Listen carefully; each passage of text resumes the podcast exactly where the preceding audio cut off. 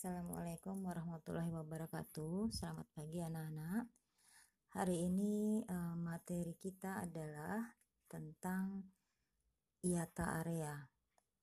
Yang akan dibahas hari ini adalah IATA area atau kepanjangan dari IATA. IATA adalah International Air Transport Association.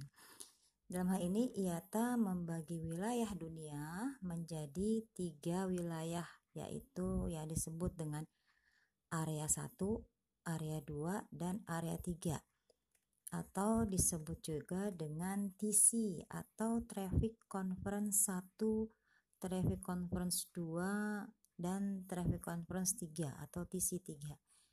Pembagian tersebut berdasarkan penerapan dari Airfare dan ketentuan dari IATA.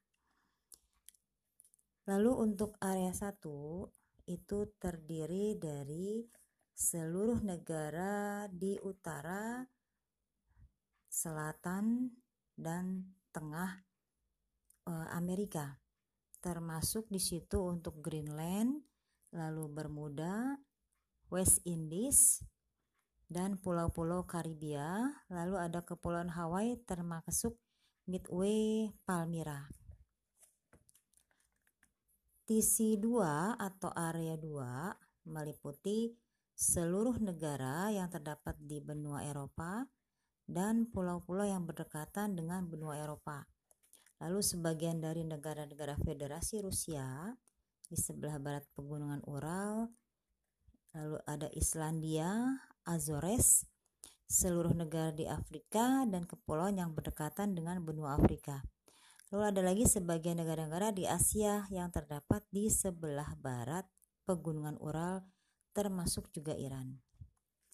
Yang terakhir, TC3 atau area 3 meliputi seluruh negara-negara di Asia termasuk pulau-pulau yang berdekatan dengan benua Asia kecuali negara yang termasuk pada area 2.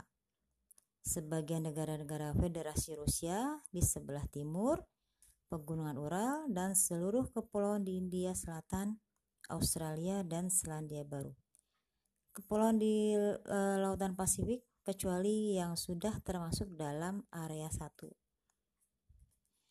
Lalu untuk pembagian e, pada pembagian wilayah dunia ini terdapat istilah Western Hemisphere dan Eastern Hemisphere. Ini yang berarti Western itu adalah wilayah bagian barat dan Eastern adalah wilayah bagian timur. TC-nya yang termasuk adalah untuk Western itu hanya TC 1 atau area 1.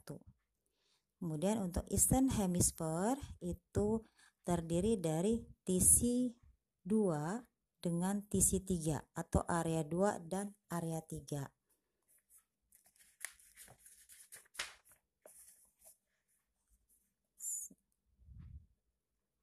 Demikian untuk uh, materi area tentang IATA area yang bisa Ibu sampaikan.